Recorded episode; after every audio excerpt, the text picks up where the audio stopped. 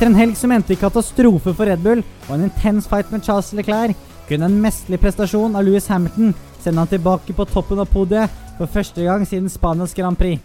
Og det appåtil på hjemmebane. På Silverstone har vi også denne helgen vært vitne til et av tidenes første sprintløp og Liberty Medias presentasjon av 2022-bilen. I tillegg har Jakob tatt en prat med Jostein Hakestad fra podkasten Radcrew. Mer om dette litt senere i dagens episode. Men først, Jakob. Storbritannias Grand Prix på Silverstone. Før vi tar for oss løpet, så tenker jeg at vi kan snakke litt om helgens oppsett og det sprintløpet som vi var vitne til for aller første gang i Formel 1-sammenheng. Ja, det er noe vi har ventet på uh, lenge, hvordan det her ville utspille seg. Og jeg tror det fikk et uh, ja, Det ble ganske godt mottatt hos folk, jeg. Hva var det du syns funket, og hva funket om ikke? Jeg syns det som funker bra, er at uh, uh, man får et format med spenning gjennom hele helgen. da. Uh, kvalik gjør seg veldig bra på fredag. Det er fredag kveld. Og så er det omtrent rett på den uh, sprinten på lørdagen. man får liksom Man får ikke tre treninger som bare er sånn Som man bare ser på fordi det er bedre enn ingenting. da. det, er, det er spenning gjennom hele helgen. Det syns jeg funker bra. Ja, det er jeg helt enig i. Jeg tror også sånn for publikum som er der, da, så er det noe å dra på også både fredagen og for så vidt lørdagen. da. Du ser jo gjerne på de ulike løpene En ting er nå under koronaen har det vært lite tilskuere, men sånn vanligvis da, at det er veldig lite folk på fredagene. da. Mm. Men dette her kan det faktisk gjøre at det kommer mer folk hele helgen. da. Og igjen mer penger i kassa for uh, Formel 1 og lagene. Ja, og det er jo litt det man ser på i moderne sport, da, som er litt i endring. At uh, man, man vil ha liksom man ville ha minst mulig dødtid, da, kan man si. Minst, altså mest mulig spenning eh, og effektivitet. Og Nei, det, jeg syns det var eh, greit. Altså, og så må man huske på at det er jo ikke alle Grand Prix heller som er sånn som det lukter krutt av heller, som hvor kanskje Mercedes har dratt ifra, eller nå Max Verstappen denne sesongen. Så eh, man skal jo ta det i, i forbehold da, når man ser et sprintløp. Så, men vi hadde masse duelleringer. Alonso som klatra. Verstappen som klarte å gå forbi eh, Hamilton. Det var flere momenter her. Og så er det så klart, da Det som er veldig veldig eh, skummelt med sprintløp, er at du kan rase ned på resultatlista, sånn som Perez gjorde. Men syns du Silverstone var en god bane å ha dette her på første gang? Silverstone er en av de beste banene man kan ha det på. For er, det er høy fart gjennom hele. Uh, du kan virkelig uh, bruke Eh, bruke dragsuget til han foran. Og det, det, er klart, dette sprintløpet mener jeg det, det, vil jo ikke funke på alle baner. Eh, men det kan funke på baner som Silverstone. Da. Det er bra med forbikjøringsmuligheter og ja. Ja, det var vel sjefen i Liberty Media sa at eh, hvis dette her blir en su suksess, da, og det skal tas inn på flere baner, så vil jo f.eks. Monaco aldri være et alternativ for det. Nei, helt eh, riktig. På grunn av layouten på banen og hvor trangt det er, da. Ja. Men eh, nei, jeg likte også utrolig godt uh, utrolig godt det med at det var intenst og konkurransepreget allerede på fredagen. da. Ja. Uh, men det må ha vært en rar følelse for uh, førerne, Hamilton. da. Mm. Og Du vinner liksom kvalifiseringen, men det var på en måte ikke pole position allikevel. da. Nei, og det var jo noe som ble litt kritisert av bl.a. Fettel og Nico Rosberg også, det at man ikke fikk pole position eh, av den kvaliken. At det var til sammen med sprinten eh, og kvaliken. At det ikke skulle hete pole position etter kvalik. Eh, fordi det ødelegger statistikken litt, da. Og det er jeg litt enig i. At eh, gjennom så mange år så har liksom den som er best på rundetid, den får pole position. Og dette er det mye statistikk på. da Og dette ja, ødelegger litt, da. Men syns mm. du de skulle hatt pole position på begge to, eller bare f.eks. fredagen? Så er, hvis du kommer først på lørdagen, så er det bare ok, da er du front of the grid eller et eller annet. Ja, jeg syns mer det skulle vært sånn. Ja. Eh, så klart, jeg har ikke så mye å si, men eh, for statistikken sin del, da, så, så, mener jeg man burde ha pole position eh, etter fredagene. For det er, det er, den som er best på kvalik, som skal ha pole position, syns jeg. For det er, det er, jo forskjellige egenskapene ved disse bilene og førerne, så ja, jeg syns det, i hvert fall. Men, men, nå fikk vi jo se spesielt Peres Eh, hadde problemer under sprintløpet. Det var mange som sleit med dekkene. Eh, Perez snurret jo. Eh, starter da bakerst på løpet på søndag. Eh, sett i ettertid, tenker du at eh, Er det for mye straff da hvis du gjør noe feil på sprintløpet? Eller syns du det er sånn det burde være? Altså skal man Det er jo bare sånn det blir ved et sprintløp, men det er jo så klart et stort moment. Og det, det kunne også ført til at føreren ikke var villig til å ta sjanser. Og det hadde jo vært kjedelig. De, de kjørte nok kanskje litt mer, litt mer kontrollert. Kanskje. Men du ser jo gjerne at de førerne bak gjerne går mer kamikaze. Ja. Og det, det er jo det midtfeltet som bare er kaotisk eh, hver helg. Så det er masse å tape der. Og vi kunne risikert å sette et veldig et døvt uh, løp. Men det, men det, gjorde vi jo absolutt ikke. Så det, det var jo bra. da Det er bra uh, førerne tør å ta, sjanser, uh, tenker jeg. da Så det er det vi vil se. Så ja. Og med dette sprintløpet så kom det jo litt ny grafikk inn med informasjon.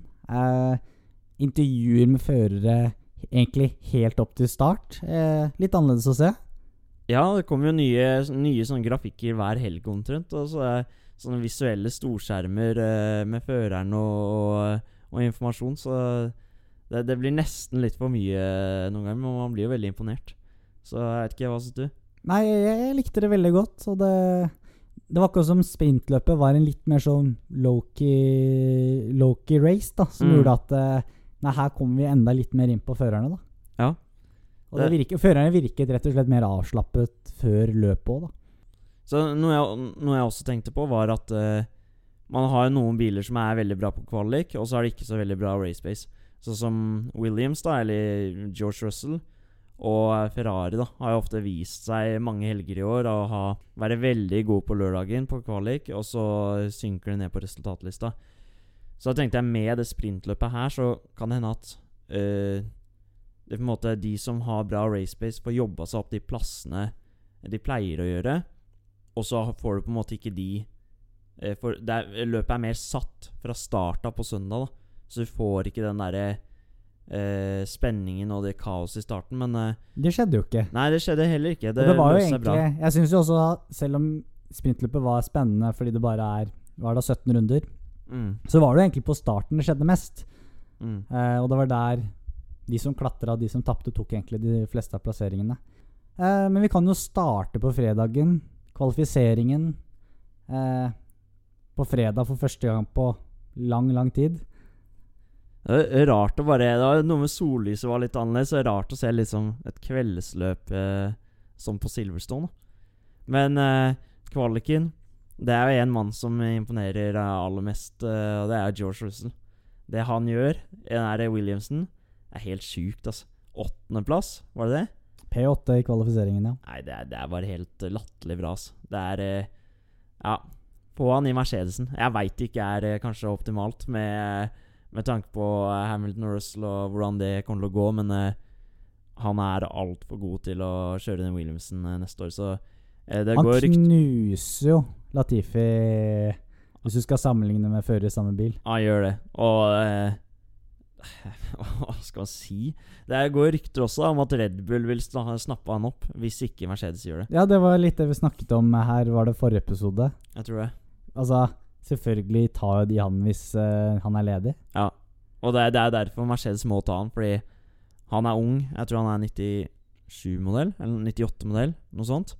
Og uh, Hamilton er jo så klart uh, fortsatt helt rå, men han er jo eldre. Og det er uh, Russell som er uh, framtiden i mange mange år framover, så de må jo bare ta han. Uansett egentlig hvor, uh, hvor mye Mercedes vil ha Bottas hvis de fortsatt vil ha han, da, mm. så ser det ut som de må ta Russell, fordi de har jo ikke noe valg. Hvis ikke så tar Bull ja. ja. De må tenke nytt og framover. Ja. Det er det Ferrari har gjort, og det har vist seg å Det har gitt bra resultater. Så. Mercedes da tar tilbake litt terreng fra Red Bull. Nå er dette her generelt en bane som passer bedre for Mercedes-bilen enn Red Bull-bilen, eh, sammenlignet med de banene vi nettopp har vært på. Eh, hva tenker du om styrkeforholdet Mercedes-Red Bull nå? Jeg tenker at de typiske eh, Mercedes-banene, der er Red Bull fortsatt veldig, veldig nærme, og kanskje til og med slår de. som synes de gjorde i Frankrike. Mens på de Red Bull-banene så er Red Bull helt overlegne. Og det er derfor jeg ser eh, Det er så klart eh, fortsatt vi åpent i sammendraget, men eh, jeg vil nok si at man ser en tendens til at Red Bull kanskje har De har jo et overtak på Mercedes i sammendraget, men veldig gøy at det skifter om fra bane til bane. Det er sånn vi vil se i mesterskapet. Og gøy å se Louis da for, foran den britiske fansen. Og ja, han ble jo på en måte Det var overlegen fra Forstappen på første trening. Så, så slår Hamilton tilbake, finner ut av det og, og tar uh, Han tok jo ikke pole, men beste kvaliktid. Så ja. Ja, Verstappen eh, plasserer seg da mellom Mercedesene. Sprintløpet. Verstappen med en god start, Hamilton med en veldig dårlig start. ja. Virker som egentlig Verstappen har god kontroll etter den starten. Litt tett der eh, de første svingene. Eh, Noe vi også ser eh, i løpet på søndagen, som vi skal komme tilbake til. ja. Men et hektisk midtfelt, kan vi vel si. Ja, det er det jo alltid. Og Alonso som kjører slalåm mellom førerne der. Mellom McLaren og, og det som er. Så alltid teknisk midtfelt, og det går jo hardest utover eh, Peres og Sainz, som taper eh, posisjoner. Og det er det man ser er helt kritisk med disse sprintløpene.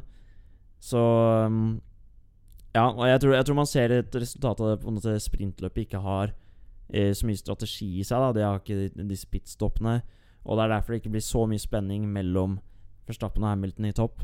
Men eh, godt Jeg tror de fleste var positivt overraska. Ja, altså det, det er litt igjen at eh, det er kort nok til at det, ja, det er mer spenning hvis det gjør at du flytter kvalifiseringen til fredagen og får spennende løp, holdt jeg på å si, det er spennende kjøring hver dag da, i løpet Mm. gjennom helgen. mm. Eh, for hadde sprintløpet plutselig blitt ja, 25-30 runder, da, så kunne det blitt litt for langt, ikke sant? Ja. Så jeg, det- tror- jeg tror det er akkurat perfekt, altså. ja. Du så jo bare de to rundene i Aserbajdsjan. De var jo helt, eh, helt rått. Kanskje skulle korta den Ja, det er de beste to rundene vi har hatt eh, i år. Eller kanskje skulle tatt det sånn der langrennsformat med, med kvartfinaler og semifinaler. Og så eh, kvalik da for de beste velge liksom eh, Du, Den, gruppe. den er ikke dum, Jakob. Ja, ja, så har du kanskje i ett heat, da, så har du kanskje Verstappen, Peres, Giovinazzi, eh, Massepin og noe sånt. En sånn fin eh, gruppe. Det hadde vært veldig gøy, da. Så er du i slutten, da har du liksom Hamilton, Bottas, Verstappen, Norris eh, Men problemet er at hvis det skjer noe, da, så er du kjørt, da. Ja, ja, helt klart. Men det, det, det, er, det er absolutt noe du bør sende inn til Liberty Media, da. Ja, kanskje det. Ja. Veldig mange sliter med dekkene på lørdagen under sprintløpet. Mm. Eh, spesielt Perez, som ender med å snurre. Taper alle plassene sine. Det er surt, altså. Og der begynner vel egentlig mareritthelgen for Red Bull også. Ja, Og der ser du litt det som eh, Albon drev på med på Silverstone i fjor. At eh, det går dårlig. Nå er det en litt annen setting, siden det er sprintløp nå, men eh, han har en jobb å gjøre på søndagen. Og man hørte jo også Førstappen også klagde på understyring med bilen. Det, det er noe de også har slitt med i noen år. Og vi ser vel nok en gang at uh, andreføreren uh, til uh, Forstappen uh, ikke klarer eller sliter med å håndtere bilen. Eh, ja, og så er det jo Det er sprintløp, og eh, ja det, det, det blir bare vondt til verre for Peres.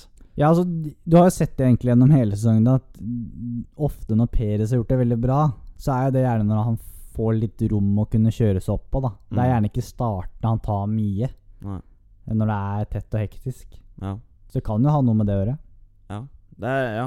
Jeg sy- syns det er det er van Red Bull har en vanskelig oppgave for seg, altså, men jeg starter litt på blanke, blanke ark neste år med nye biler, så får håpe de finner ut av det og kan ha to i toppen. Hvem enn det er. Men den absolutte vinneren av sprintløpet, det var jo Max Verstappen, i tillegg til selvfølgelig Alonso. Eh, så det var litt sånn hat-elsk-forhold for eh, Christian Horner der. Han fikk, han fikk begge deler, med Perez som tapte masse plasser, og en plassering opp for uh, Max Verstappen. Ja. Altså, de, de skal, skal gjerne ha den andreføreren oppe som kan uh, utfordre Hamilton og Bottas, men han er ikke det igjen. Og, men det er forskjellige grunner til det. Så ja. På søndagens løp, intens start der også. Eh, Max Verstappen og Louis Hamilton kjører steinhardt mot hverandre i flere svinger på rad. Og det ender med en skikkelig krasj. Vi spiller jo dette her eh, på løpsdagen, så vi har jo det her friskt i minne. ja. Det, det er sånn Før den krasjen eh, Det er så intens duellering mellom Verstappen og Hamilton, eh, to gigantene.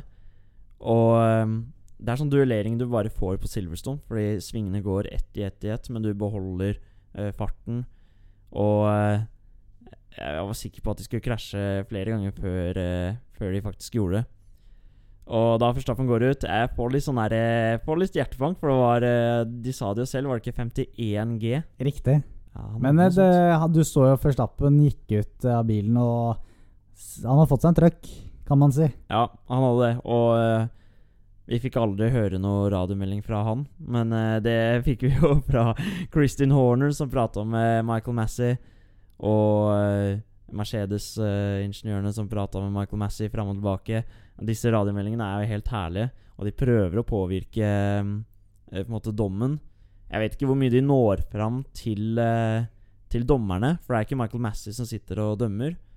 Eh, Men eh, utrolig gøy å høre dems eh, ståsted. Red Bull mener at uh, Hamilton burde ikke uh, satt eller prøvd på en forbikjøring der, for det er et farlig sted. Hamilton mente jo at de var side om side, og det mente Mercedes også. Jeg må si, han, han må jo få lov til å prøve på et move, uten at det kan være uh, farlig, så klart. Han, Ja, vi kan jo spørre hverandre her. Eh, syns du straffen til Lewis Hamilton fikk jo da en tisekundersstraff sekunders som han Mm. tok på første pitstop. Syns du den var for streng eller for snill? Jeg personlig syns egentlig den var for streng. Jeg mener jo at det der var en racing incident. Eh, nesten å se litt eh, Verstappen tilbake eh, i gamle dager når han var eh, 17-18 år, der han bare kaster seg inn i svingen. Eh, jeg syns Hamilton var relativt oppå siden hans eh, når de kom inn i svingen der. Eh, og det, det så nesten ut som enten at Verstappen ikke så at Hamilton var der, eller at Verstappen bare Ok, Hamilton stopper. ja. Eh, for i svingen før så gjorde Hamilton det. Da stoppet han jo eh, og la seg bak. Eh, så jeg mener at det var en racing-incident, og kan godt hende at uh, han fikk uh, de 10 sekunders den, den ti sekunders straffen fordi krasjet var såpass som det var, da. Nei, jeg tenker jo at det er Hamilton går på innsiden. Det er han som gjør et move. Han kunne gitt uh, Verstappen mer plass. Samtidig så ser man Hamilton uh, at, Nei, unnskyld, at Verstappen krysser litt inn. Men mer plass. Altså, det var jo masse plass for Verstappen å gå på der. Det var jo over Ja. en halv eh, banedel masse- igjen i svingen der. Ja, det er masse plass, men han kan ikke gå på den linja, liksom. For Nei, å klare da må, svingen. Da må han jo bremse. Altså, Hamilton men det er jo han, han som er først, da. ja, Han er litt foran. Det var litt foran, men Ja. nei. Jeg syns det er racing incident. Det er min mening, da. Ja, jeg syns det, det er vanskelig der, altså. Men jeg syns den tisekunderen er eh, ganske fair. Hvis man mener eh, at Hamilton At det var helt klart hans feil, så er det selvfølgelig en veldig veldig snill straff, fordi han får ti sekunder. Han klarer å vinne løpet. Verstappen ender opp i veggen skada og null poeng. Tre poeng på sprintløpet, da, men eh, så, Sånn sett så um, kan jeg forstå at folk syns det er en veldig snill straff. Men uh, så, så tvilsomt som den eh, Som den situasjonen er, jeg mener den er i hvert fall, så, så syns jeg den tisekunderen er grei. Um, så er det så klart uh, to helt forskjellige utfall på Hamilton og, og Verstappen den helgen, og Men uh, de Men jeg, men jeg tenker sånn skjer jo Det der vil skje igjen når de racer hverandre så hardt. da Når det er så Ja. mellom de. Det er Formel 1. Eh, og ja, igjen, da. Jeg syns det er uh, Du ser Verstappen litt tilbake til gamle dager, da. Han, han leder jo mesterskapet med ganske god margin. Og Men ja, det er vanskelig å si til en uh, racerfører i full fart der Bruk huet litt. det koker jo toppen. Det er det, ikke sant? Sving etter sving Men eh, han kunne vært litt kaldere der og tenke OK, Hamilton kom forbi der. Man har jo sett den mentaliteten i hele året, egentlig. At Verstappen han gønner på, og så vet han på en måte at Hamilton kommer til å trekke seg. da. Men nå gjorde han ikke det, da. Nå var Hamilton vinneren, så da var Hamilton hadde jo fordelen der. Det Da. er nettopp det. Eh, men jeg tenker Hamilton kommer bakfra. Han gjør et uh, move, og ja, hvem som treffer hvem der uh, Det er litt vanskelig å si, men derfor så syns jeg den tisekunderen er egentlig grei. Og det er Ja, så er det mange som heter at det er sånn er racing. Som Gunther Steiner sier But that's racing, sier han. Men med, med krasjen til Førstappen så blir det jo røde flagg. Hamilton får lov til å gå inn også da eh, under rødflagget og bytte frontvinge, bytte dekk, så han er fit for fight igjen. Eh, da er det faktisk Charles Leclerc som leder løpet. Og overraskende nok så drar han fra Hamilton i starten eh, etter restarten. Hva tenker du om Ferrari sin pace eh, på Silverstone den helgen? Overraskende. Du ser jo også Science også kjører jo bra fem plasser bak. Det er ja, utrolig bra at eh, de klarer å holde eh, så bra pace. Og Charles Leclerc, det han gjør, er jo Han får jo maks ut av bilen. Det med at han fikk luke Dette kommer jo til å bli Alle visste at dette kom til å bli et løp som handlet om om å bevare dekkene. Og det var nok også derfor eh, Hamilton ga han eh, litt luke. Eh, for å eventuelt eh, klare å eh, ta innpå Leclerc på slutten. Og det var jo det, akkurat det han gjorde. Og Hamilton eh, er jo best på det her. Og det at han har en tisekundersstraff og klare å komme forbi Bottas igjen, og så vinne løpet, det er helt utrolig. Um, så er det jo det, det, det, var ikke det mest underholdende løpet. Det var ikke så mye som skjedde underveis. Det var jo en nerve da om Hamilton kom til å ta han igjen. Men sånn, det. det. var litt kjedelig løp. Det var litt kjedelig underveis. Men det var sånn, akkurat som du sa, det var en sånn nerve og en spenning om Hamilton kom til å ta han igjen. Og her var det jo, da, eh, som Atle Gulbrandsen sa, det var jo eh, en engelskmann som kjørte forbi eh, Ferrari og tok eh, italienske Ferrari. Så England eh, og Storbritannia fikk sin revansj i, i det helgen. Det blir vel en trøstepremie på et fullsatt Silverstone. Det var vel godt å se 140 000 mennesker på løpsdagen. Jakob? Må si magisk, magisk stemning, så jeg vil si det er et ganske bra plaster på såret. Det er det beste de kan få, egentlig. Så ja. En annen brite i et annet britisk lag er jo Landon Norris både han og Daniel Ricardo var kanskje et lite vakuum i dag? Ja, de var nok litt unna, og man har jo sett de høyt der oppe. Og da Hamilton fikk den straffen, så begynte jeg med en gang å tenke på at oi, kan Landon Norris vinne det her? Brite på Silverstone i McLaren. Og han har jo eh, på en måte levd godt av Hamilton sin eh, en sånn sekundstraff på i løp før. Men uh, de, de, bare hadde ikke helt den pacen uh, som, uh, som Mercedes eller Leclerc. Så det, er en, en, ganske solid helg, men ikke helt der oppe, og er ikke helt god nok til å fighte mot de beste der. Men en fjerde- og femteplass er bra, da. Det er, det er helt rått, og det er, viser bare hvor bortskjemte vi er da med Landon Norris, hvor stabil han er med femte-, tredjeplasser det er helg etter helg, så ja, absolutt uh, solid helg. Før vi går videre, vi nevnte PRS på sprintløpet, der han uh, fikk en snurring og ikke egentlig fikk det til etter det. Uh, han måtte jo som sagt bryte sprintløpet, starte pit. Får det egentlig ikke til noe særlig løpet heller. Skårer ikke noe poeng. Hva tenker du om Perez? Er det for dårlig, han? Det er så klart for dårlig, men samtidig så er det sånn ting skjer, og det sprintløpet har vi jo ikke hatt før. Og eh, det at eh, du får uhell der, det har jo maks Det slår maks ut, ikke sant. Så jeg tenker jeg må, jeg må bare glemme det og på'n igjen i Ungarn, tenker jeg. Det er eh, Han burde jo vært der oppe, kanskje.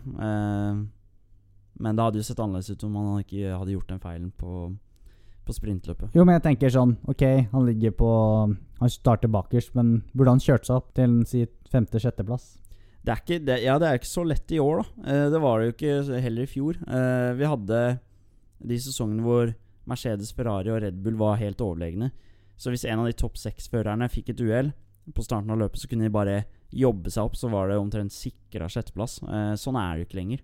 Det er ikke lett med alpin når de har en god helg, og mot McLaren og, og, resten av midtfeltet, så, og Gaslin og han har en god helg. Så det, det, er vanskelig, det der, altså. Men med helgens uh, seier på hjemmebane til Louis Hamilton og Walter i Bottas på tredjeplass, så tar både Mercedes og Hamilton for øvrig et jafs uh, i sammenlagtkampen mot uh, Max Verstappen og Red Bull. Har du stillingen foran deg? Det har jeg, vet du. Det er fortsatt Max Verstappen som leder med 185 poeng, med Louis Hamilton like bak med 177 poeng. Vi kan jo si at, eh, at Verstappen kjører ut nå har gjort det veldig spennende, da. Ja, og det, det, det er jo nettopp det at eh, en straff til Hamilton ville gjort det mer spennende i løpet, men ja, nå endte han jo opp med å vinne hele greia uansett. Eh, men det gjør det veldig veldig spennende, og Ungarn er jo en bane hvor han og Mercedes er gode på. Så eh, det lever fortsatt. Nå er, nå er, de, nå er de fortsatt close, og vi er vel eh, også snart halvveis i sesongen, eh, kanskje. Ja, vi har kjørt ti av forhåpentligvis 23 løp. Etter de så følger jo Lando Norris med 113 poeng. Rett foran Walter Bottas på fjerdeplass. Eh, 108 poeng. Eh, Jevnt der også. Ja. Sergio Perez på femteplass, 104 poeng. Så han er med i den kampen der. Og så er det gutta da i Ferrari på sjette og syvendeplass. Hva tenker du om vår egen power ranking? Hvem er det som fortjener stjerner eh, etter helgens eh, løps... Eh. Vi kan jo ta med sprintløpet òg, da. Det blir jo hele helgen. Ja, ja, ja. Jeg vil si Og kvalik. Og kvalik, ja. I, I sin helhet. Ja. Jeg må si tre stjerner. Der har jeg satt Charles Clair. Dette fordi han, han kommer seg forbi Bottas og er og kjemper eh, nesten mot Hamilton og Forstappen eh, før de krasjer ut. Og det at han klarer å holde Hamilton eh, på avstand så lenge i løpet, det er helt uh, rått. ass Man ser jo bare det han er laga. Så jeg har satt han på tre stjerner. Jeg har satt Louis Hamilton. Du har satt Louis Hamilton. Kjører pole position, som man kan kalle det på fredagen under kvalifiseringen. Uh, presser mye bra ut av Mercedesen. Og kjører da også et utrolig godt løp da etter uh, fadesen med Verstappen der å får en ti sekunders straff og kjører seg faktisk opp og vinner. Jeg syns det er utrolig imponerende. Men jeg er med å gi Leclerc 2 hvis vi gir Hamilton Nei, jeg er med å gi Leclerc 3 hvis vi gir Hamilton 2 stjerner. Det er jeg med på, for jeg har satt eh, Louis Hamilton på andreplass. Ja, Det er greit. Da får du den. Du får huske det til neste uke hvis jeg har noen innvendinger. Ja, jeg tror jeg fikk William i sist, faktisk. Ja, da, er, da er jeg to, to viller i banken her. Ja. På énstjerna Der har jeg satt uh, George Russell. Ja. Og jeg vet han ikke fikk eh, poeng, og at han var et uh, godt stykke unna. Men jeg var den kvaliken der alene er en stjerne. ass. Soleklar. Jeg har satt Lando Norris. Du har satt Land Lando Norris. Eh, han kjører igjen kjempebra. Altså, jeg er helt enig i George Russell. Mm. Eh, kjører kjempebra på fredagen. Eh, altså, P8 er jo helt sykt.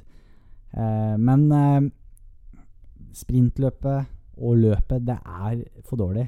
Og ja, det kan godt hende ikke det er race pace, men han, altså, han ødelegger så for seg selv hver eneste start. Altså, og det ser du gjennom hele sesongen. Han slipper, hver gang han klarer i hvert fall å komme til Q3, han slipper jo tre-fire plasseringer hver eneste start. Men tror du ikke det er litt pga. Williamsen? da? Han tok jo rotta på Bottas i Sakir, da. Da var han rett forbi. Ja, men altså, alle kan ta rotta på Bottas på start. Altså, til og med jeg kan kjøre en bedre start enn Bottas, Jakob. ja, godt poeng. Ja. det er bare å si den Williamsen er Med den så er han unnskyldt, syns jeg. Men uh, jeg må si uh, Altså, han, han fikk et poeng forrige uke Ja. fordi han kjørte en bra kvalik. Ja. Uh, og jeg skulle gjerne gitt ham poeng nå, men jeg syns han kjører for dårlig i løpet. Og Mm. spesielt startene, i både sprintløpet og i selve hovedløpet på søndagen, at han fortjener faktisk et poeng. ja. Altså, vi har jo blitt ganske bortskjemte med Landon Norris. Ja. Så det er jo Vi kan gi, vi kan, vi kan jeg- gi Russell en blomst, altså. ja, en blomst, ja. Altså, siden jeg fikk vilja mi på uh, tre stjerner, Ja. så kan du få denne. For han har jo tross alt gjort en veldig bra helg, og Russell fikk også fikk stjerne sist helg. Så jeg kan bli med på den. Da ble vi enige om da tre stjerner til Charles Leclerc, to til Louis Hamilton og én stjerne til Landon Norris. Så det tighter seg opp enda mer i sammendraget der. Det gjør det. Formel 2-gutta har også kjørt på Silverstone. Har ikke du noen oppdateringer der også, Jakob? Det har jeg. Det er jo alltid gøy å se. Og øh, det var da Robert Schwarzmann, eh, russeren, på Prema, som vant eh, første sprintløpet. Andre sprintløp ble vunnet av Rikard Fersjour. Det er altså nederlender med Ferr på lista der. Så en, enda en der. Og så var det da eh, selvfølgelig, holdt jeg på å si, John Yu So som vant eh, feature race, som er Det er det som er mest prestisje å vinne, fordi det er jo Det er ikke noe reversert grid, så det er mer fortjent. Um, så jeg må si Han har virkelig imponert eh, i år. Og um, ja, kanskje alpin burde Han er jo alpin junior. Kanskje de burde angre på at de eh, ga Ocon en eh, treårskontrakt så tidlig. Jeg veit ikke. De har vel en plan på det, må de, må de jo ha. De må jo ha det. Altså, Ocon Al Alonso han, han har vel ikke signert kontrakt neste år, har han det? Nei, jeg tror ikke det. Nei? Og Ocon Kanskje han er ferdig? Kanskje. Han er jo jækla god, da. Ja, han har vist bra Mm. pace utover nå. Det er, det er gøy å se med Alonso, da. Det er veldig gøy å se. Og Con leverte jo dårlig med en gang han fikk den kontrakten. Siden da så har det gått dårlig hver helg. Så ja, Jeg, veit ikke. Men uh, imponerende av So, i hvert fall. Og han er kinesisk. Det har vi sagt uh, mange ganger. Og kan være verdt uh, veldig mye for et eh, Formel 1-lag. Så Og alpin kan kanskje trenge litt penger i kassa og litt sånn, ja. Jeg har sikkert nok av penger å hente i Kina. Ja. Så um, gøy med Formel 2. Gøy med Formel 2. Som vanlig på Silverstone så pleier jo Liberty Media å alltid annonsere noen nye nyheter. Eh, vi snakket jo selvfølgelig om sprintløpet, som var første gang her på Silverstone. En annen ting som også vi gleder oss veldig til, er jo de nye bilene i 2022. Og denne helgen så ble det også da presentert, en eh, modell av eh, hvordan denne bilen vil se ut. Ja, og det var jo på en måte litt eh, blanda meninger på den bilen, men da er det vel eh, både på utseende og hva disse bilene skal gjøre eh, med racingen, da. Eh, de vil jo da oppnå eh, mye closere racing, eh, mindre dirty air. I tillegg til mindre dirty air, så skal de med eh, bakvingen skal de prøve å løfte den der dirty airen, sånn at den ikke treffer rett på frontvingen til han bak. Så man kan ha litt tettere racing. De er vel litt mindre også. De er ganske mye mindre. Mm. Ingeniører har jobbet masse med dette her for å, um, for å oppnå da at eh, man får mindre dirty air og ja, med dekk og hele pakka for å få bedre racing. Da. Og de blir jo eh, litt treigere også. Eh, det er vel noe det ikke prates så veldig mye høyt eh, om. Eh, det er ikke veldig bra promotering. Men Men det igjen, da. Det er ikke noe du ser med det blotte øyet, verken på TV eller hvis du er på et løp, eh, når alle bilene blir like trege, holdt jeg på å si. Ja, ja.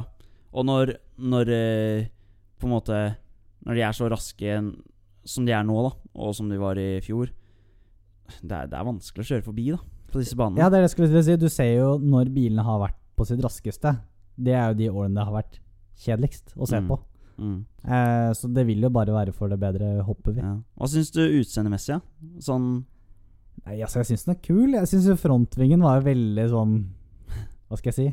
Her kommer jeg. Ja. Den er veldig tydelig. Kul bakvinge. ja.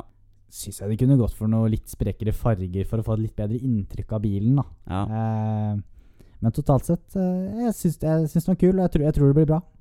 Jeg må si jeg har alltid likt den uh, bilen. Vi har sett noen YouTube-videoer og sånn fra to år siden. Ett to, år siden. Så um, det er uh, Og så har jo lagene sagt da at uh, det er så klart reguleringer, da. Så for eksempel da, frontvingen eller en bakvinge må være mellom så og så brei, og det er mål, og Så de ser jo de, de kommer jo ikke til å se helt sånn ut. Det kommer jo til å være litt variasjoner. Det ser man jo på bilene nå også. Så det må man huske litt på.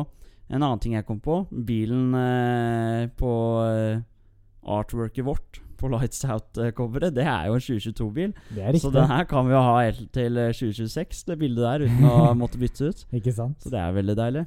Det er taktikk, eh, taktisk eh, manøver, altså, det. Ja, ja, ja. Eh, denne uken her så har også du, Jakob, eh, vært i kontakt med Jostein Hakestad fra podkasten Radcrew om 2021-spillet til Formel 1. Ja, det har jeg. Det jo kommer ut uh, rundt denne helgen. Og jeg vet veldig litt om det, men uh, det har vi pratet med han om. Så han er uh, fra en gamingpodkast og kan fortelle oss om det. hvordan dette nye spillet er. Så Fått, fått et input der, egentlig. veldig fint. Så Det blir spennende også å høre, da, eh, du som har hatt intervju med han, om har han fått eh, forkjærlighet for Formel 1 gjennom spillet f.eks. også? ja, Han har jo selv sagt eh, før møtet at eh, han er også veldig fan av Formel 1. ja, det er nok eh, mange som har gjort det. Jeg skulle gjerne hatt spillet selv, men jeg har ikke PlayStation 5. Det, Men eh, ja. Det, vi kan bare høre på det intervjuet. Jostein Akestad fra Rad Crew. Velkommen Ja. til oss. Tusen takk. Eh, Nå har jeg klart å snike meg inn på showet her. Så Det er veldig bra. hyggelig. Ja. Det er ikke så ofte vi har eh, gjester her. Vi har hatt én gjest før, og det var eh, Dennis Hauger, så du er i godt selskap. Wow, det, ja, vet du hva, da har dere en, Det er en downgrade fra han til meg, altså. Det må jeg si. Nei, nei, nei. Det, Men men ja, gøy. Det er veld, veldig kjekt å være her. Det er bra. Eh, lytterne kan jo ikke se det her, men du sitter jo i en eh, oransje Red Bull Racing-T-skjorte. Ja. Jeg tenker, jeg, jeg liker ikke å gjøre ting halvveis. sånn at Hvis jeg først skal liksom bli, gjøre alvor av å være F1-fan, så må jeg ha litt merch. Ja, men det er bra. Jeg føler meg Mm. litt uh, underdressed der i en vanlig T-skjorte. Det er lov, det òg. Eh, du kan jo kort fortelle om eh, hvor du er fra, og du skal jo så klart fortelle om eh, FN 2021-spillet. Ja. Uh, ja, jeg kommer jo da som sagt fra en podkast som heter Radcrew. Vi har holdt på i sånn tiår uh, med gaming og, og gamingrelatert eh, innhold på showet der. Um, så du kan sjekke oss ut på radcrew.net. Uh, men uh, i senere siste, siste tida da, så har jo flere og flere av oss, eh, og blant lytterne våre, òg blitt ganske hekta på, på FN-universet. Og det er jo Folk har jo sikkert fått med seg at interessen har økt veldig i Norge, og det samme har jo smitta oss, da. Så, så vi syns det er en veldig kjekk ting å følge med på. og, og eh, så derfor så klarte jeg å eh, eh, mase meg til en, en gjesteplass på denne podkasten her. og så tenkte jeg vi kunne uh, ha litt um, Ta og Se litt på det nyeste uh, offisielle F1-spillet, sånn at vi holder det litt gamingrelatert, siden det tross alt det er mest kjent for når det gjelder podcasting. Ja, fordi det kommer jo ut denne helgen, er det det? Ja, det kom ut nå i helga som var. Um, jeg har hatt det et par uker, uh, ikke for å uh, Ikke for å snikskryte eller noe sånt, men jeg har, det, det hender vi får Det er ikke alle spill vi får tidlig tilgang på, men det hender. Um, så da har jeg brukt en del tid med det nye FN-spillet fra Codemasters, og eh, i, for første gang eh, på over ti år så er det òg EA Sports som er med og lager det nå, fordi de kjøpte Ja, det er en lang historie, men de, de kjøpte Codemasters, da. Så Ja.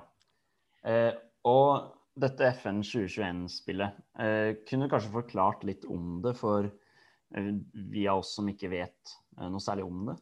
Ja, ja du, kan, du kan jo tenke på det. Den nærmeste sammenligninga er jo å sammenligne det med Fifa-spillerne. Um, det er jo egentlig det er en årlig utgivelse som der du kan si at det, det endrer seg ikke sånn kjempemye fra år til år. Litt sånn som Fifa heller ikke gjør det. da. For når, de, når, de, når de liksom skal få ut et produkt hvert år, så er det ikke nok utvikling, utviklingstid til å finne opp eh, finne opp hjulet på nytt, holdt jeg på å si. Det var en uh, unintended uh, racing-vits der, men um, Men ja, så det er jo, eh, det er jo et eh, Det er det som gjerne kalles for et Simcade-spill. Så det, det ligger litt sånn i, i midtpunktet mellom simulator og arkadekjøring. Så det er ikke det er, ikke, det er ikke en fullverdig, realistisk FN-simulator, sånn som de bruker uh, i, uh, hos Mercedes eller noe sånt, noe, men, eh, men det gir deg en, eh, en ganske realistisk opplevelse av det å kjøre en FN-bil. og Enten du bruker kontroller um, eller, eh, eller, har et, eller har et ratt, at du er heldig nok til å ha et ratt. Um, og det er ute på PC, PS5, Xbox. Så, um, så ja, det er en eh, Jeg vil si det, de gjør en god jobb med å gjøre spillet tilgjengelig for alt fra ganske casual fans til de veldig hardcore fansene av FN. da. Ja. Mm. Eh, kunne du kanskje forklart hvilke forskjellige moduser? Jeg vil tro at det finnes karriere og eh, Ja. bare en, en kjapp eh, Altså ett løp. Eh, Ja, du kan jo du, det, det er så mye rart du kan gjøre. Du kan sette opp et, eh, et, en hel Grand Prix-sesong, hvis du vil det, Mm. eh, med, med hele, hele rekka av eh, baner. Um, nå tror jeg det var noen baner som mangla ved lansering nå, fra årets sesong, men jeg tror de kommer. Ja. Men du kan også, eh, det finnes også karrieremodus der du kan lage din egen eh, sjåfør og lage ditt eget team. Og du kan også være manager for teamet. Um, så du kan, du kan basically være Christian Horner eller Toto Wolff om du vil det. Um, og så, så har du time attack-moduser, som er sånn hvis du bare prøver å slå rundetida til andre på internett. Ja. Eller hvis du liksom vet eh, hva Verstappens rundetid på, på den og den banen er, så kan du prøve å slå han hvis du vil det, men det skal vel godt gjøres, tror jeg.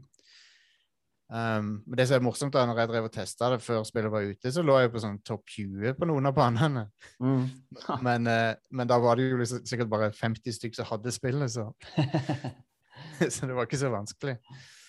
Um, ja. Kanskje et, et lite spørsmål. Står man for strategi selv, eller er Ja. det bare helt uh... du, du kan, eh, du kan uh, Det er en veldig stor grad av frihet i hvor mye sånn detaljting du vil gjøre sjøl. så du kan bestemme strategi, og annet pitstop-strategi og sånne ting sjøl. Eller du kan la spillet gjøre det for deg. Ja. Så, det, så det er fullt mulig, det. Og du kan liksom Hvis, eh, hvis frontvingen din brekker, eller noe sånt, så kan du liksom kjøre inn i pitten eh, anytime, liksom, også. Så ehm, eh, Men eh, så spillet gir deg en veldig stor grad av kontroll, da, i, ikke bare på det, men også på hvilke tekniske assists du vil ha på i bilen. For det, de, jeg tror folk flest ikke har lyst til å gire manuelt mm. for eksempel. Du kan, du kan det hvis du vil, men, jeg, men jeg, tror, jeg vil tro det er for spesielt interesserte. Er krevende koordinasjonsmessig. ja, det er jo Ja, jeg, jeg klarer ikke å gire opp og ned åtte gir. Nei. For jeg, jeg antallet de girer per lap er mellom 40 og 70 eh, ned- og oppgiringer, har jeg hørt. Ja. Så det er jo det, er jo det, det, det sjåførene gjør. Det, ja, nei, det er ikke for meg. Men eh, så sånne ting kan du styre veldig òg. Og, eh, og traction-kontroll, og om, man, om du skal åpne DRS eh, manuelt, eller om du vil at spillet skal gjøre det for deg, sånne ting. Mm. Um, men den spennende nyheten i år da, er jo at de har en historiemodus. Sånn som er, igjen, det er litt sånn som Fifa har, men de har en historiemodus der, de, der du liksom forteller, de forteller en historie om en spesifikk sjåfør, da, som er en fiktiv sjåfør. Og så kan Mm. du velge om du vil være på uh, det, det er noen av de der uh, lagene som er litt, ned på, litt lenger ned på listene, sånn Williams og Haas og sånn. Du kan velge om du vil kjøre for noen av de. Og så forteller de liksom en historie om en sånn ny, ny up and coming eh, fører. da. Det som, det som er litt artig med det, er at de har helt tydelig prøvd å få tak i Netflix-publikummet fordi eh, det er veldig, my veldig mye av den samme type drama og sånn som den Netflix-serien skaper. da. Drive to. Survive. Så det er en artig, artig liten modus. Ja, er det litt sånn eh, konflikter med teamkompisen Ja, der? eller?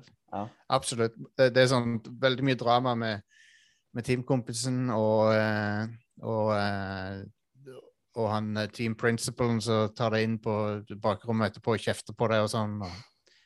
Så det er masse sånne ting. Du bare ødelegge glassdøra hans. ja, stemmer det. på vei ut så smeller du med døra. Kunne, hva er det som, bortsett fra den eh, historiemodusen, da, hva er det som imponerer deg, eller ikke imponerer deg i denne versjonen eh, versus de tidligere årene? Ja, det, jeg vil si det største minuset i år er vel at um, de, du ikke har uh, Vanligvis har de, har de pleid å ha et sett med historiske biler som du kan kjøre. Ja. Men i år så har de kun 2021-bilene. Ja. Og det er vel den største nedgraderinga, da. Um, men uh, det, det er ikke sikkert alle har lyst til det, men jeg syns det er kjekt å ha det, liksom. At du kan kjøre en bil som uh, Senna kjørte, eller som uh, Schumacher kjørte, eller sånne ting. Mm. V, V10 og V8 og V12-biler og sånne ting. Ja, ja. Men det, det er ikke her i år, da.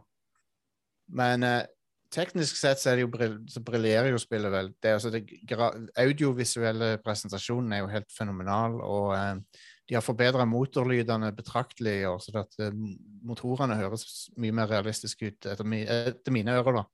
Ja. Og, um, og det ser jo vakkert ut. Det det ser nesten fotorealistisk ut av og til. Så så det er, det er en imponerende pakke sånn rent teknisk sett. Og så føles kjøringa veldig god, syns jeg. Veldig smooth. Um, og, og smooth styring og veldig fin fartsfølelse når du kommer opp i over 300 km i timen. Ja, fordi når jeg kommer over de der videoene eh, fra, fra spillet på Instagram-feeden, eller om det er på YouTube Man Mm. sliter jo nesten med å se at det er et spill.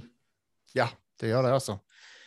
Du ser det jo, du ser det jo best når du ser noen av menneskene, sånn som når du, liksom, hvis, hvis du ser Christian Horner dukke opp plutselig, og sånn, så ser, da, da ser du med en gang liksom, å ja, ok, det er, et, Ja. definitivt et spill. Mm.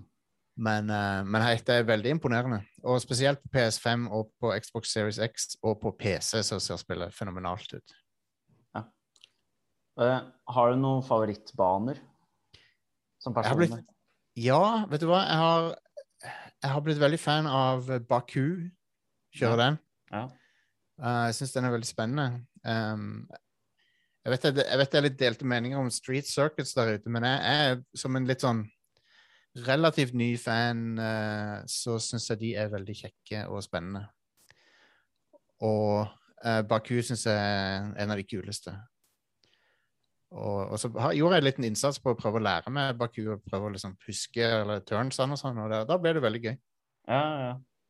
Så jeg kan se for meg det er gøy å ta en runde på de banene før racehelgen i på akkurat den banen skal være. da. Kjenner du Ja, til det er det, For for Jeg, jeg gjorde det med Silverstone nå, og uh, det var veldig gøy å liksom kjenne igjen banen. For folk som eh, Det er jo noen som sikkert tar det litt lenger og kjøper uh, ratt og stol, som sikkert koster, koster skjorta, holdt jeg på å si. Men hva vil du si Kan det være Hvordan er opplevelsen på det eh, sammenlignet med kontroll? Um, jeg vil si at jeg, vil, jeg vil tro at for, de- for de fleste så er det lettere å styre med kontroller. For med en gang du får et ratt, så, så må du på en måte kjøre på ordentlig Altså da må du liksom føre bilen, da. Og det er jo sånn Er, du sikker på at Hvis du har, hvis du har spilt eh, bilspill før og, og føler deg fortrolig med et ratt og, og og sånn så kanskje det så gir det ekstra realisme, selvfølgelig, men, eh, men for folk flest så vil jeg tro kontrolleren er mer enn god nok. Mm. Men det kommer an på, kommer an på hvor, hvor dypt ned i rabbit-holet du vil gå, da. Har du noe terningkast? Jeg vet ikke om dere gir eh, noe rating i, i Radcrew, men eh, Hvis Eller jeg, en score? vi, vi, vi pleier ikke å ha en tallscore, men eh, jeg vil si at det er For meg så er dette eh, det beste FN-spillet jeg har vært borti, tror jeg. For det, er sett, det har stort sett forbedra seg år for år, og jeg syns det nyeste nå er skikkelig bra. Så hvis jeg skulle gitt et terningkast, så er det vel en femmer eller noe sånt, tipper jeg. Ja. Mm. Det, er- det er en god, god karakter. Ja, jeg syns det var kjempe, kjempespill. Veldig kult. Har du noe mer du vil tilføye til eh, FN 2021-spillet? Nei, bare Kanskje sjekk det ut hvis du er litt nysgjerrig, for at, um, det, det er Spesielt kanskje uker der det ikke er race weekend, og sånn, så kan du få en dose Formel 1 da òg, på en måte. for jeg, jeg vet ikke vi, Når du blir litt fan, fan av FN, så, så blir det gjerne litt sånn kjipt av og til når det ikke er race weekend. Ja, absolutt. Det er sånn Å, hva skal jeg gjøre nå? ja. I hvert fall etter, etter triple header så føles det plutselig veldig lenge med to uker eh, ventetid. Ja, det gjør det. Så, um, så ja, FN-spillet kan liksom forlenge eh, tingene for deg, og da kan du få deg dose med Formel 1 uh, utafor. Og utafor sesongen, selvfølgelig òg. Så, um, så ja, nei, jeg syns det eh, det, det er veldig artig. Um, så eh, jeg anbefaler det på det sterkeste. Nei, men da takker vi for at uh, du ble med oss eh, denne episoden. Så det var fint å få litt eh, ny input i, i poden. Bare hyggelig. Bare hyggelig. Ja, nei, men det var et uh, interessant uh, intervju å høre på, Jakob. Ja, det er jo bra input, uh, det, å ha noen nye spalter. og Så vi er heldige å ha han i poden. Ja, da håper vi også at de som, dere som lytter på, også har fått nytte ut av det. Og med det skal vi ta oss og gå videre til ris og ros. Ja. Da gjør vi det.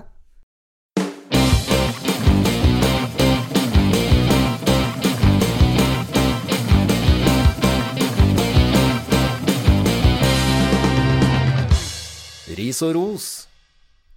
Ris og ros er jo spalten der vi riser de som har eh, stått seg ut på en negativ måte den siste uken, og roser de som kanskje fortjener det litt ekstra. Eh, skal vi starte da med ukens ris, Jakob? Det kan vi gjøre. Jeg tror vi kanskje har truffet på lik ris, jeg vet ikke. Raneren til Lando Norris. For de som ikke fikk med seg dette her, det sto på de fleste aviser i både Norge og England i hvert fall. Eh, var det var Landon Norris på EM-finalen, og utenfor Wembley så ble han ranet av Var det ikke flere ranere? Jeg veit ikke, Nei? men uh, de sa jo veldig lite om Ja. det. De har veldig sagt, sagt veldig lite om situasjonen. Ja. Men en sjokkerende situasjon for Norris. Ble ranet av en klokke fra Richard Mile for over 400 000 kroner. Ja, det er bra verdi på den. Eh, jeg tror, hvis jeg ikke tar helt feil, at han var der med Max Futural, som eh, kjørte på lag med Dennis Hauger i fjor i Formel 3. De er gode kompiser. Um, så eh, han fikk jo noen råd også av Zac Brown, som tydeligvis har blitt ranet tre ganger i løpet av livet. Så han kunne gi noen gode, gode råd og tanker. Så han har sagt, Lando har sagt at han har slitt med å sove, og mm, at det har påvirket han. Så mm, Men vi får håpe det kommer seg. Det er jo Fins skumle strøk i London her. Så jeg lurer på Det jeg lurer på er Visste raneren hvem han rana?